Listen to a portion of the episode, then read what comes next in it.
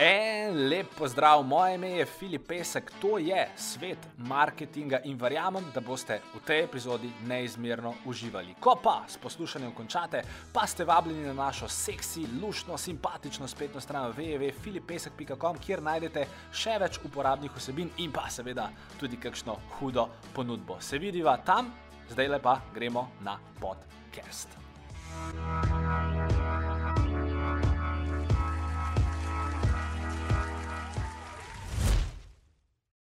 Markos, ja, vzam. Uh, da mi povej, kaj en mesec nazaj si nehal igrati uradno nogomet?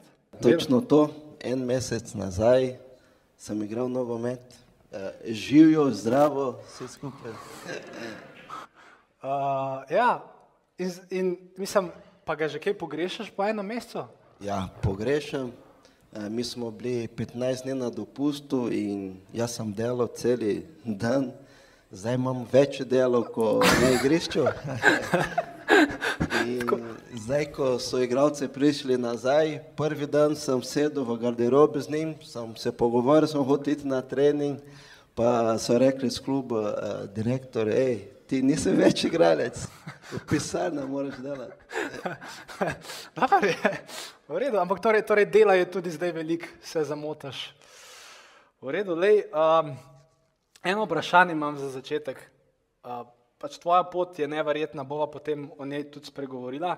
Ampak zanima me, kdaj si ti res začel verjeti, da boš nekoč postal profesionalni nogometaš? Je to bilo pri enem letu, pri petih, mogoče še le pri petnajstih, pri dvajsetih. Kdaj je bil tisti trenutek, ko si ti vedel, ok, to je pa, meni bo pa tle ratal in to bo to? Ja, jaz sem začel igrati nogomet, ko sem imel devet let mhm. star. Ampak, uh, ko sem šel igrati v reprezentance, brazilske reprezentance, sem bil uh, eh, 14 let star in takrat sem uh, čutil to, če tu v Braziliji imamo 200 milijonov ljudi in ne vem koliko milijonov nogometaši in so meni izbrali, da lahko igram v brazilske reprezentance, takrat sem čutil, zdaj pa to je zares. Imam potencial, talent, da lahko en dan biti uh, profesionalni nogometaš. Ja, očitno ti je rata, to, to, je, to je fajn, Am, ampak uh, ja, Brazilija. Uh, jaz bom tle povedal samo nekaj stvari, ampak jaz bom povedal te stvari, si jih pa ne znam predstavljati. Zato bom vesel, če nam boš malo več mogoče o tem, mislim, o tvojem otroštvu povedal, ker v bistvu Markos pač kot javna oseba je večkrat to povedal, tudi v njegovi knjigi lahko to preberete, ampak on je bil rojen v favelah. Favele, za tiste, ki poznate Brazilijo, to so pač tisti najbolj revni deli uh, Brazilije. In načama, jaz sem tam napisan, da so bili dnevi, ko dejansko vse, kar si lahko jedel, so bili keksi. Ja. Ali pa paradižnik. Soli, ja. Za paradižnik za soljo, pa da si spal na tleh, pa vse te stvari. Mislim, mi, ki pač tega ne vemo, pa se tega ne znamo predstavljati. Kako je to izgledalo? Jaz sem v Braziliji, eh, škoda, mi nimamo dosti ljudi, ki imajo denar. In takrat, ko moja mama se je ločila za par mesecev, eh, ona sama je se skrbela za tri otroka. Mm. Jaz imam dva brata, jaz sem najmlajši. In takrat uh, moja mama je delala, učiteljica je bila. In nismo imeli dosti denarja, sem spal na tle, nismo imeli posle. Uh, moja mama zjutraj pred uh, gre v službo je delala kekse, sem imel kekse za zajtrk, kosilo in večerja. Kakšne keksi so to bili? Ja. je bilo vsaj kaj beljakovin noter? Nič. To, to, to je delala, ne vem, sto in je delala cel dan. In takrat je bilo zelo, zelo uh, težko za nas, ampak uh, jaz vedno sem uh, hotel iti ven iz favele, ker v faveli tam prijatelji samo kradejo, samo razmišljajo uh, slab stvari. Hmm. In, in potem uh, zato sem začel igrati nogomet, da lahko delam druge stvari, da ne sem cel dan v ulici. Mm. Ker potem v ulici samo pijejo, samo se drogirajo. In moji prijatelji danes pol so mrtvi, pa pol so, so v zapori. Mm, In hvala Bogu, sem, da sem šel izven tega. fajn. Uh, ja, mislim, tako ne, pač težko se včasih te stvari predstavljati. Zdaj, uh, na neki točki, torej uh, v Braziliji si začel trenirati nogomet pri devetih letih, potem pa si nekako začel plezati na vzgor in uh, na neki točki, oziroma dolgo časa, si garderobo uh, delil tudi z Ronaldinjem. Ja. Ja. Ja. In zdaj, enkrat, mislim, jaz sem veliko stvari nekako prebral, ve- veliko informacij sem probal dobiti. Enkrat si nekje rekel, da Ronaldinho, um, za tiste, ki ne spremljate nogometa, Ronaldinho je bil, mislim, las. mislim, mislim, ja, dolg, dolgih las, polne zobe je imel, ki so bili skozi offside. Uh, Ronaldinho je bil, mislim, da dve leti zapored izbran za najboljšega nogometaša na svetu. Uh, mislim, dejansko je imel, imel tak talent, kot Messi, samo da mogoče Messi je imel dosti daljšo kariero, Ronaldinho je mogoče mal, je imel malo krajši ta uspon. Uh, ampak rekel si, da je Ronaldinho nikoli ni prišel na trening slabe volje, da je bil vedno nasmejan. Ja, Ronaldinho je igral nogomet eh, za uživati. On ni igral nogomet, da bo najboljši igralec na svetu, ampak je igral nogomet, ker to je bil njegovo življenje, njegov stil. In tudi to sem mu uh, vzel od njega. On nikoli se zbudil zjutraj in včasih mi smo bili tam, danes bomo samo laufali, danes bo težki dan. Ne? Ponedeljek je, moramo delati. Pa to- Ne, on nikoli na tak način razmišlja, je rekel, gremo dela, ajde, to je več kot delo. Mi eh, delamo, kaj mi, eh, kaj se veselimo in plus imamo plačo na koncu. In na tak način on je igral celo življenje in tudi to sem učil od njega. Eh, Ronaldinho je bil en mentor, eh, me je dosti naučil noter na igrišču in tudi izven igrišče. Prvo pivo on meni je dal. Je drugače, Ronaldinho, eh, Ronaldinho ti je dal tudi tu na svet, ne, kako pivo pol ven spraviti. Ja, ja, to tavares ni problema, pije to, pa potem po treningu naredi pet krogov več in to je to. Ampak Ronaldinho je imel, Ronaldinho je imel na te eh, tudi en drug vpliv. Ronaldinho te je dejansko, kot eh, pač razlagaš, um, uh, te pač nekako potegnil v svet žurerstva, v svet alkohola, v svet neprestanih uh, noči, uh, drog tudi verjetno, kaj pa vem. Uh, mislim, kako je pa tisto obdobje izgledalo, oziroma kako, mislim, ne znam si predstavljati, kaj je žurka, pa žurka, pa žurka. Ja, zelo težko, ne. En otrok, ki je spal na tle, ni imel denar, zdaj njegov prijatelj je najboljši igralec na svetu. In Ronaldinho je imel že takrat denar, pa avto, BMW, Audi, pa potem jaz sem se izgubil. Ja, iz nič, zdaj igram nogomet, eh, brazilski reprezentant. Eh, Ronaldinho je posodil svoje kopačke za mene. Jaz eh, takrat sem že sem bil mladinci in eh, potem sem se izgubil, nisem imel eh, čustvena inteligenca, nisem mogel eh, te, ta slava prevzeti. Eh, Tudi starši niso bili poleg mene. Jaz sem uh, spal na, v klubu, na stadionu pod tribuni, 50 otrok smo spali tam. Pa potem je Ronaldinho bil naj, moj najboljši prijatelj, smo šli v, v, na zabavo vsak dan. To ni v sobota ali v nedeljo, to je vsak dan. Olin, ni druge.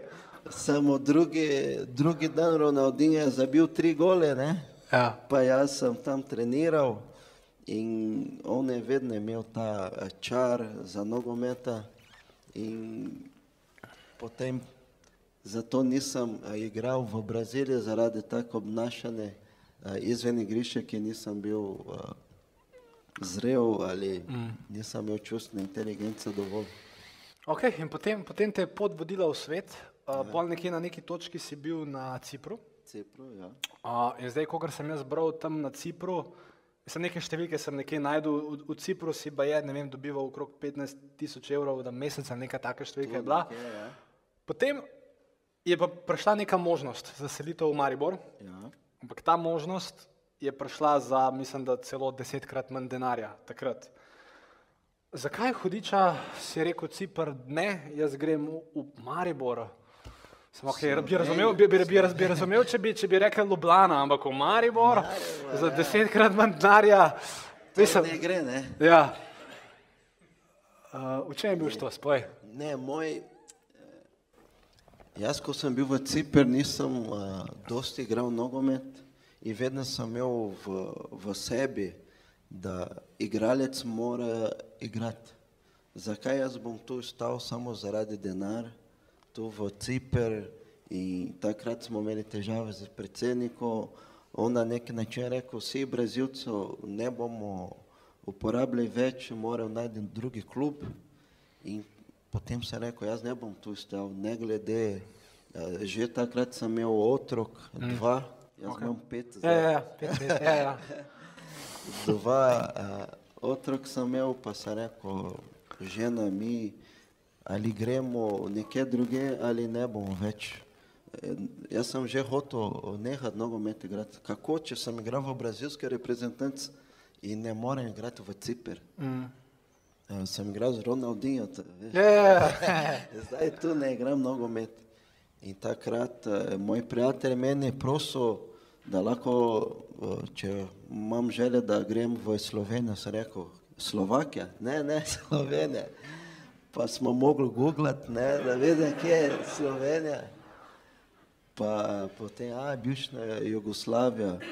Pa potem eh, sem prišel v Maribor in takrat direktor Sladko Zavič je rekel, ja, lahko tu eh, podpišemo pogon, samo to bo desetkrat manj, ko imaš ti v Cipr. Ampak v življenju moramo dati, ne vem, pet, deset kot nazaj, da lahko imamo boljše življenje, boljšo prihodnost. Ja, pa ne se Zahovič, poleg tega, da ti je pač dal dosti manj denarja na začetku, ti je pa je tudi rekel, da si dober, fajn, vse, ampak da imaš tudi sedem kil preveč. Uh, zdaj, to, to ni, mislim, pač to ni enostavno slišati, to ni taka enostavna kritika. A Si takrat, mislim, kako si to kritiko sprejel in kako si odreagiral v bistvu? Ja, jaz vedno sem se boril proti kile, ne? ker ne vem, mogoče, ker tak moj otroštvo življenja nisem imel dosti za jesti. In potem, eh, ko sem videl pri televiziji reklama za jogurt, sem si želel, pa nisem imel denar, pa cornflakes, cornflakes mleko, pa nikoli sem to imel v življenju prej. In potem, ko sem imel možnost, sem vse pojedel. vse sem kupil. In kruh, imam rad kruh, nisem imel takrat, ampak potem imam težave s kilažem zaradi tega. In potem dosti sem pojedel in direktor je prišel do mene, tavares, imaš kvaliteta, imaš talent, samo moraš zgubiti. Ker In potem sem rekel, ne problema, bom zgubil. In uh, ta kritika ali ta uh, borba, uh, od takrat, ko sem imel več denar, sem skozi imel življenje in to je moj šipki točk. Pri nogometu je bil in tudi za naprej žena je rekla, zdaj, ko boš v penzijo, nočem, da boš ti tak debel, ampak To je tak stvari, ki moramo mi dati skozi, da lahko, če hočemo nekaj narediti v življenju, par stvari moramo mi ožrtovati. ne. Okay, v, potem si prišel v Maribor, eventualno skušal uh, in hitro si dejansko pač postal legenda, več faktorjev, tvoja želja, vodstvene sposobnosti in seveda tudi tega, ne, da pač si znal dati gol. In uh, enkrat si nekje dejal v svoji takrat še polomljeni slovenščini, uh, ki je vedno boljša. Uh, ja, jaz, jaz ne znam dosti stvari v nogometu, znam pa dati gol, to je moj fokus, to znam. To je to. Ja, in zdaj, ampak Marko, to si vsi želijo znati dati gol. Pač kako, mislim, kakšna je tvoja skrivnost ali pa nek recept za, za doseganje golov? To težko. uh, Ne smeš povedati, ne? Ne, uh, mogoče, ker sem igral nogomet v faveli, favela ne obstaja, fal ne obstaja nič. ni avt, ni, moramo vzeti žogo in se znajde na igrišču, na, na ulici. Ko sem igral, nisem imel kopačke na začetku, uh, nisem imel, bos sem igral nogomet in mislim, da to je moj recept. Najprej moram se znajti v ulici, v življenju, potem lahko se znajdem na igrišču. In ko sem prišel v Maribor, sem, jaz, kaj sem uh, vedno rekel, jaz znam samo gol dati, nimam, ne znam drugih stvari delati, ampak uh, na začetku, jaz, ko sem prišel v Maribor, tri mesece nisem dal eni gol. A res? Res. Težka situacija so so rekli, on ni iz Brazilije, on je mogoče iz Kitajske. ne vem. On sto posto ni Brazilec. Ali zdrave, prišel tu zdrava. o, je. Ampak eh, potem je bilo vse ok, do zadnja tekma sem zabil neki gol. Okay. In potem so podaljšali, verjetno, mislim, eventualno podaljševali pogodbo s tabo. In ja, potem si podaril vse, vse rekorde v Sloveniji, v redu. Um, v, odkar si v Mariboru, uh, sem nekako naštel, da si imel osem trenerjev. Se, osem trenerjev se je zamenjalo. Ja. In verjamem, da ok, eni so bili boljši, eni slabši, ampak da si se nekako lahko od vsakega trenerja, ki je istočasno vodja ekipe nek, na neki vrsti, da si se od vsakega lahko nekaj naučil. A bi mogoče lahko z nami delil ali kakšno zgodbo, ali pa mogoče kakšen nasvet, ki ga je tebi ali pa ekipi trener dal, ki je bil pač tak dober nasvet, ali pa mogoče neke torej, tri, tri stvari, ki si se jih recimo naučil od svojih trenerjev. Vsak trener ima okay. svoj uh, način, svoje razmišljanje glede nogometa. z- Vedno sem se učil in, in, in to, če, če imamo mi odprt srce, da se učimo, ne glede uh, kaj je včasih pozitivne in negativne stvari, uh, lahko mi se poboljšamo kot uh, oseba. Uh, z Darko Milaničko sem bil sedem let uh, z njim konstant, sem dosti se učil. Uh, da, prvi, da, da brez disciplina eh, težko mi dosežemo, eh, kaj hočemo v življenju. Eh, Zaradi moja kilaža, jaz sem bil edini igralec, ki sem mogel vsak dan stopiti na vago. Eh, Če imeli, če sem imel en kil preveč, sem mogel 200 evrov plačati. A ne, res? Res. Fajn. Ja, to je borba celo življenje. Vsak dan sem šel pred uh, vaganje eno uro v savno. in Zvečer samo čegumi sem jedel, jedel. Sem, sem imel v usto, ker uh, nisem mogel jesti. In uh, z njim sem uh, rekel, če imaš ti disciplina, lahko ti uh, naredi plan, lahko veš, kam boš eh, šel v prihodnost. Če nimaš discipline, vsak dan boš delal nekaj drugače in potem ne boš dosegel svoj cilj. Za mene disciplina z njim sem, sem držal, zato smo bili eh, najboljši klub v Sloveniji. Uh, za drugi trener uh, Ante Šimunđa, ki smo igrali Ligo prvaka, on sem se učil, da ta je zmagovalna mentaliteta.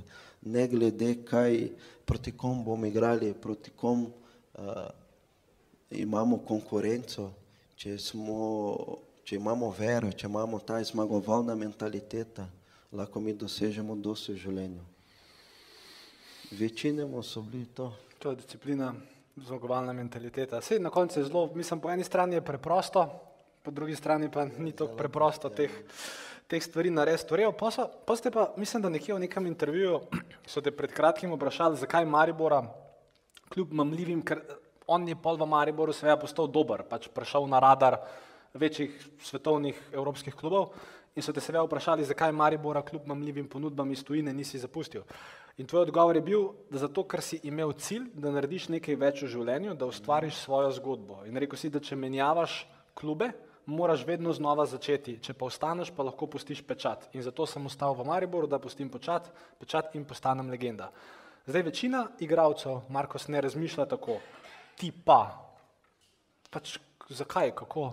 Ja, ne vem, ko sem bil mali, ne, jaz sem se želel, da naredim nekaj več, ker nisem bil zadovoljen na način, ker sem živel v faveli.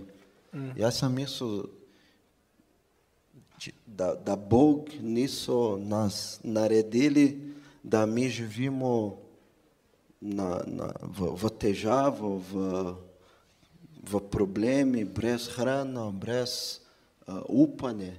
Jaz nikoli sem sprejel v življenju in vedno sem hotel narediti nekaj več. Jaz bom šel s favele, jaz bom naredil nekaj več, ne samo zaradi sebe, da tudi pomagam drugim ljudem, da vidi, da, da, da lahko mi naredimo večje življenje, da lahko spremenimo naše življenje. Ne glede odkot smo prišli, ampak lahko mi uspemo, lahko zmagamo v življenju.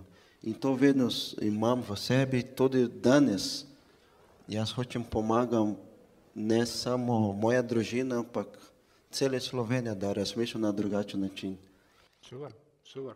In Maribor je, zaradi, mislim, tudi zaradi tega, ker si zavrnil ostale ponudbe, ostal v Mariboru, ostal fokusiran. Uh, dosegel marsikaj uspehe, tako doma kot v tujini. Vemo ogromno naslovov državnih prvakov, plus dvakrat v prejšnjem desetletju, prav za tiste, ki spremljate nogomet, boste to vedeli, za tiste, ki ne, mogoče ne, ampak Maribor se je uvrstil dvakrat v Ligo prvakov, kar je pač za en tak majhen slovenski klub pač prava fantazija.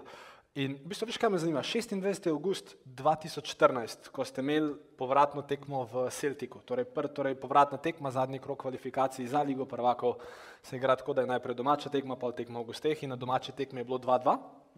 Uh, kar pomeni, da dejansko, če ste hoteli iti naprej, je mogel biti tam ali 3-3, ali ste pa mogli zmagati. Uh, pač zaradi, pač tako se nekako šteje čuden. In uh, mene zanima, recimo, pred tako pomembno tekmo, to je bila torej za vas dejansko tekma, če ne naredimo tistega, kar hočemo, izpademo, če naredimo tisto, gremo v Ligo prvakov, bo cela čaga, Maribor dobi 3 milijone iz evropske blagajne, pač veliko stvari je bilo na kocki. 8 milijonov. 8 milijonov. 8 milijonov. In zdaj, kakšen, kak, kaj ti je šlo po glavi pred uno tekmo, ali pa kakšen je tvoj samogovor pred takimi tekmami? Kako, ja. Ja. Vsi mi, uh, nogometaši, imamo sanjo, da igramo Ligo prvakov, ker to je najboljša liga na svetu. In takrat, uh, jaz sem že vedel, prej, da bomo šli v Ligo prvakov. In ker ko sem se zbudil, ko smo bili v hotelu, smo šli na zajtrk, jaz na neki način čutim energijo od svojih igralcev, ko smo se gledali kot da smo bili v drugi svet, druga atmosfera, drugi uh, duh, smo bili že v zajtrku. In danes bo, jaz sem že vedel, danes bo, nekaj danes bo se zgodilo. In potem pre, prede, da, da, da gremo na igrišče, jaz vedno kot kapetan imamo ta motivacijska, mm. pogo, motivacijski pogovor. Pa sem rekel, da je danes dan, ki bomo naredili zgodbo v Sloveniji.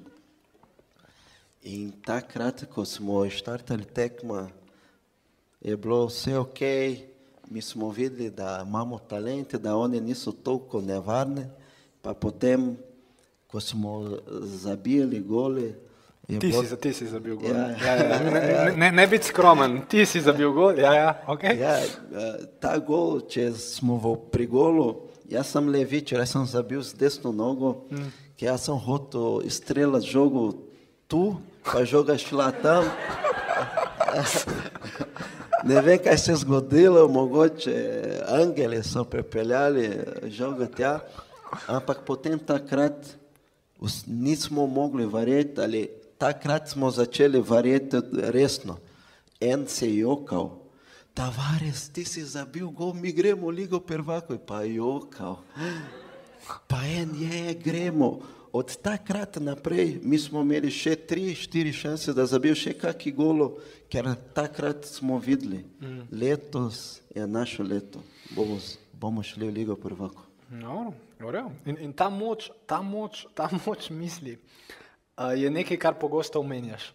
Obstaja ena zgodba, uh, ki ne vem, me, mislim, jaz vem še en detajl, ki ga danes ne bom povedal, ampak uh, Marko pogosto govori, da je treba sanjati variti vase. Uh, ampak ene tvoje sanje so bile pa res naravnost nore. In sicer, ko si spoznal svojo ženo, si rekel, žena, le, mi dva morava zdaj narediti otroka, pa ne otroka, mi je moral zdaj narediti sina, zato ko bom jaz končeval športno kariero, bom lahko jaz, bo ta singlih 18 str, pa bova lahko skupaj igrala na eni tekmi.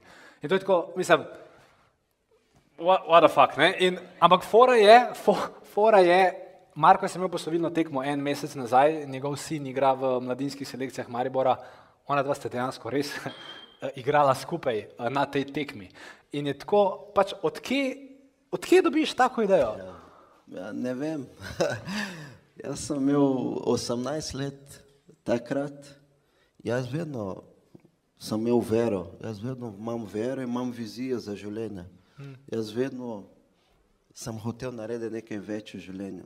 In 20 let nazaj, 18 let star sem bil, ko sem rekel žena. Otrok moram narediti. In on bo fantek, on bo, ja že imam vse planirano, nič ne se skrbi. Bom dal svoje ime in enkrat bom igral nogomet s njim. Jaz nočem biti uh, uh, oče, ko bom imel 30 let star, ki on ne bo meni videl sploh na igrišču. Mm. Pa je žena rekla, ok, pri meni doma, moja družina, najprej se poročimo. Mhm, ja, ja. Jaz sem rekel, ne, ne, pri favela ni, v favela ni, ne se poročimo tam. In pa sem počakal 20 let, 20 let sem počakal, da lahko igram za sino.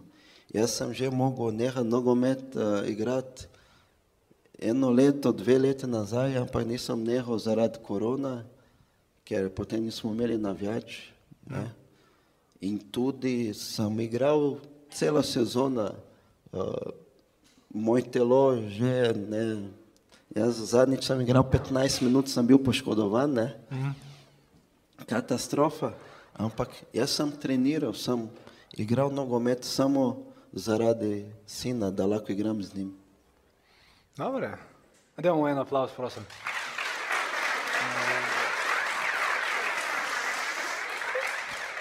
Uh, pa se ti je, uh, kdaj tekom karijere, mislim, da si to že prej rekel, ampak me pa zanima, kako ste to rešili. Rekl si, da so bila določena obdobja v tvoji karieri, ko si bil nemotiviran ali pa manj motiviran. Kako si nekako splezel ven iz te lukne? Ja, dosti krat sem hotel nehati nogomet igrati, uh, ampak najprej moja žena non-stop je z mano šla in, in Včasih je rekla, zaradi mene, prosim, treniraj, ne zaradi sebe, ampak ki mi imamo družino, imamo otroke in moramo se skrbeti za, nje, za njih. In ona je meni vozila do stadiona in meni je pogledala, če sem šel skozi vrata. ja, zaradi moja družina, zaradi moja družina sem igral nogomet zaradi moja družina, sem vsak dan treniral in tudi sem imel dieto, ker vem, da, da imam žena plus pet otrok, ker moramo, moram se skrbeti. Jaz vedno rečem, da imam armijo doma, vojska doma. In uh, nisem igral nogomet samo zaradi sebe.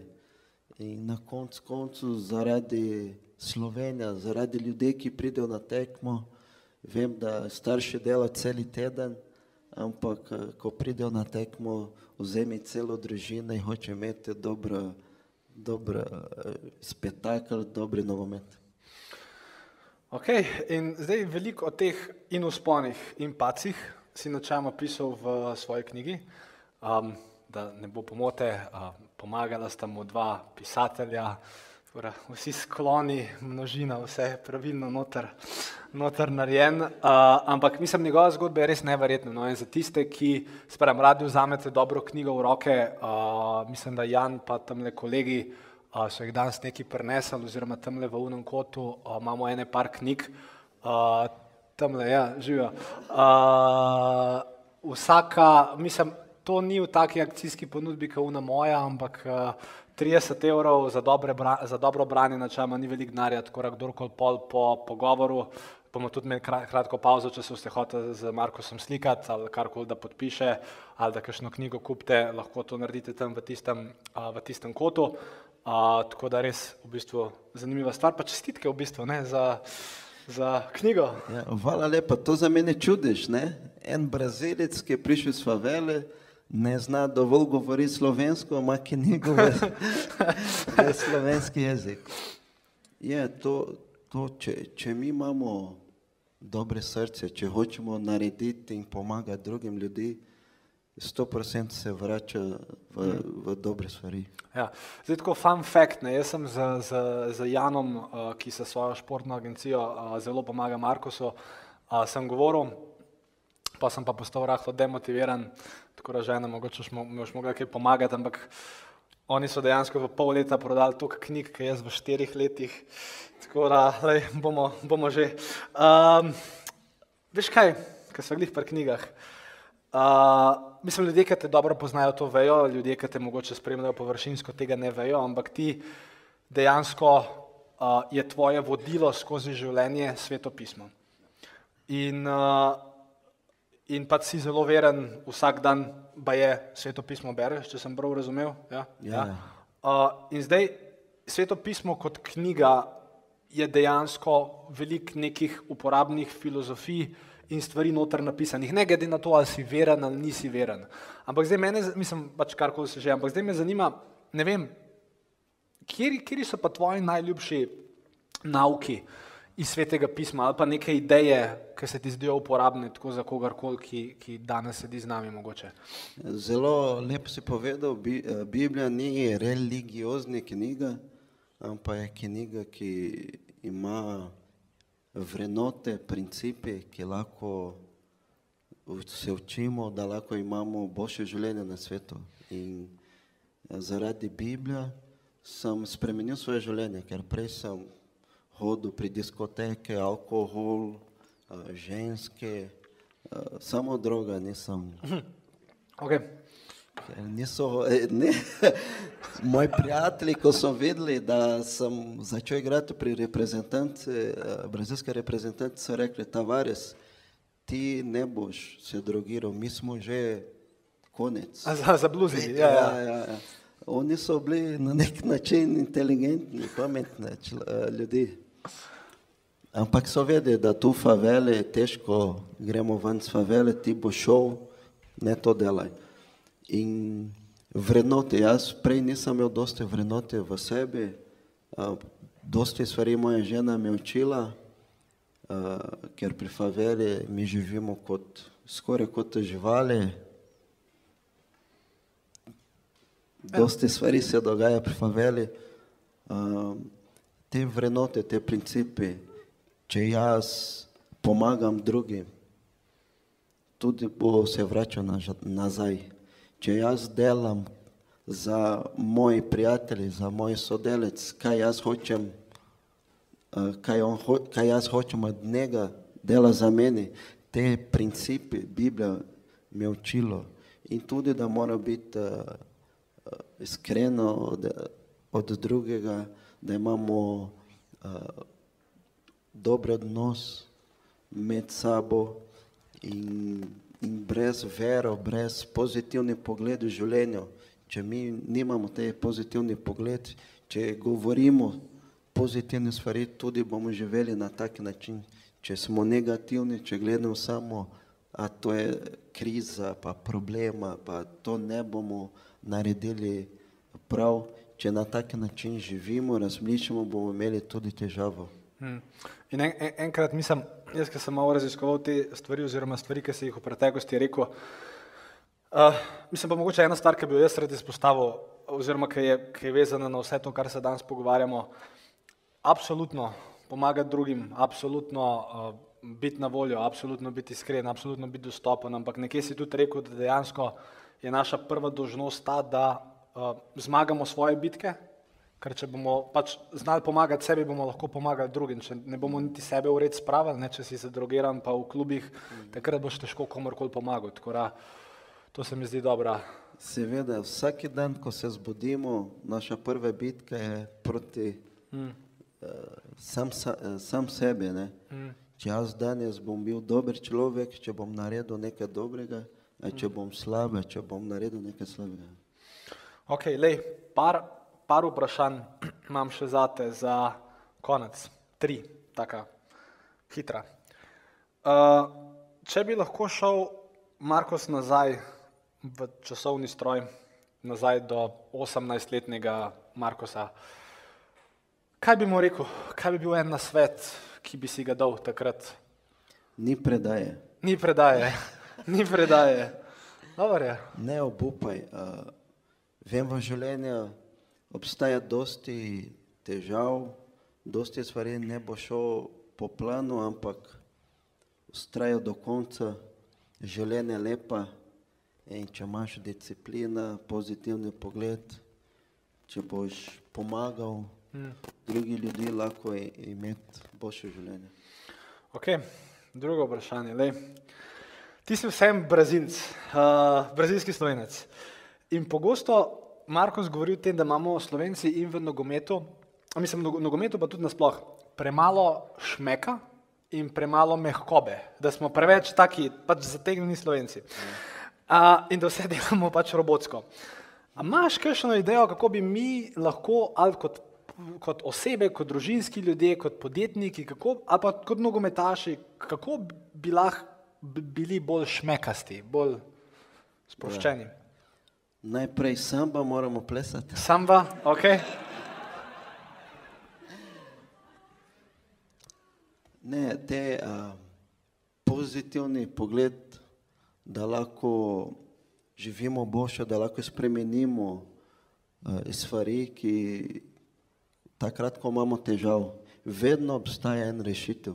In ta rešitev uh, bo prišel, če, če študiramo, če probamo, če ne obupamo, ker mi, Brazilci, imamo dosti težav, ampak ved, vedno imamo vero, da jutri bo boljše. Mm, Okay. Pa pa še ena zadeva. Um, zdaj, torej, ti boš pomočnik športnega direktorja ja. Šularja. Ja? Ja. Okay. In mene zanima, oziroma tudi mogoče njih zanima, lej, delil si si garderobo z ogromno ljudmi. Eni so bili dobri, eni so bili slabi, eni so bili božji, mislim pač tudi mislim, kot ljudje in kot nogometaši. In zdaj, ko boste dejansko izbirala mogoče kader za naslednjo sezono, ali pa ko boste razmišljali o tem, da bi zdaj tega igralca odpustila, bi tega prepeljala ali karkoli že, uh, na katere kvalitete, ali pa ko ti nekoga vidiš, kaj, kaj je tisto, kar ok, on je pravi, ali pa mogoče aha, on pa ni pravi. Na kere kvalitete gledaš, na kere lasnosti, kaj se tebi zdi pomembno, ko izbiraš ekipo okoli sebe. Ja, a, dosti stvari je zelo pomembno. A, Definitivno talent ni v prvo mesto. Ni na prvem mestu. Ne, Torej, talent ne. ne. Okay. A, Mi hočemo ljudi, ki imajo dober karakter. Uh -huh. Ker a, če imaš ti 20 igralcev, pride en, ki ima talent in ni, nima dosti od, a, dober odnos z drugimi, potem ta en igralec lahko ruši celo ekipa. In zaradi tega mi nismo bili uspešni dve sezone nazaj ali dve leta nazaj, nismo zmagali zaradi par igralcev, ki, so, ki niso bili Temu slovencu, Prijazen, ja. slovencu rečemo gnilo jabolko, ja. jabolki. Ja, To, ja. to. Uh, karakter, mi iščemo igralce, ki imajo karakter. Karakter, uh, da ko stvari ne gre dobro, karakter, da, da pomaga soigralcu, karakter, da, da tudi uh, da, da lahko oni spremeni situacijo, ko takrat ni v redu, in tudi igralcev, ki, ki lahko uh, za svoje delo motivira drugi. Da, da najprej reče, jaz bom to naredil, ne da pokaže prsa za druge. In seveda, odnos mora biti pravi noter in izven igrišča. Okay. Torej, če pravimo nekako povzeti. Uh, veliko smo govorili o tem, da treba verjeti vase, uh, veliko smo govorili o tem, da um, se nam v bistvu v Sloveniji zelo dobro gode, ker dvomim, da je kdorkoli od vas jedel samo kekse in paradižnik. Sploh ne vem, kako gre to dvoje skupaj, ampak ok. Uh, govorili, smo, uh, govorili smo o fokusu, govorili smo o mindsetu in zdaj le to zadnje vprašanje. V bistvu torej tudi vsi, ki kadriramo, vsi, ki iščemo kader ali pa vsi, ki iščemo mogoče svojo ženo ali bodočega moža, torej ne talent, najprej karakter in potem še neke vodstvene človeške sposobnosti. Generalno. Um, Markos, jaz bi se ti v imenu vseh, ki so danes tukaj, uh, rad iskreno, iskreno zahvalil za tvoj čas, za vse, uh, kar si v bistvu naredil v slovenskem nogometu, za vzor, ki ga mnogim predstavljaš. In uh, te je bilo v redu, smo, smo v redu. Odlično. Odlično. Hvala eh, tebe, eh, hvala vsi vas, ker jaz sem tu vesel in moja družina je tu vesela, ker vi ste tako toplo mi sprejeli tu iz Slovenije, eh, ker ni lahko priti iz Brazilije eh, in, in da, tak, eh, da čutim tako toploto, ko jaz čutim tu, v, ne samo v Maribor, tudi tu v, v Ljubljani. Zadnjič, ko sem bil na tekmo, ljudje so prišli do meni, Tavares, eno sliko. Tak, na tiho malo, uh, hvala lepa. In uh, ne glede odkot ste prišli, lahko imamo boljše življenje v prihodnost. Imamo tu en darilo za tebe, Filip. Za mene? To je za tebe. To je za mene. Ja, čakaj, kaj boš pa zdaj naredil? Mom me skrbi, odložil si mikrofon. Kaj- boš, kaj bo, nekaj boš napisal. Uh, puedes uh, hacerlo en español si quieres, puedo entenderte. O no? Ok, ok, whatever. Nekaj sem prav po špansko povedal, se mi je zdel, se mi je zdel da znam. Um, ok, Markos bo nekaj napisal. Nas pored je tak. Ko bo nehal pisati, bomo mu seveda namenili en res uh, srčen aplaus in se mu zahvalili za družbo. Uh, mal bo z nami pohengal uh, med tole pauzo, uh, ki bo mal krajša, desetminutna, tako da tisti, ki morate iti na zrak, na vece, da jim se teh deset minut vzeti. Zdaj me že res ful skrbi, ker Marko se res nekaj, nekaj piše. No, da je po portugalsko, super. Um, in ja, hvala ti. Uh, drage dame in gospodje, dajmo en velik aplaus Marku Tavaresu.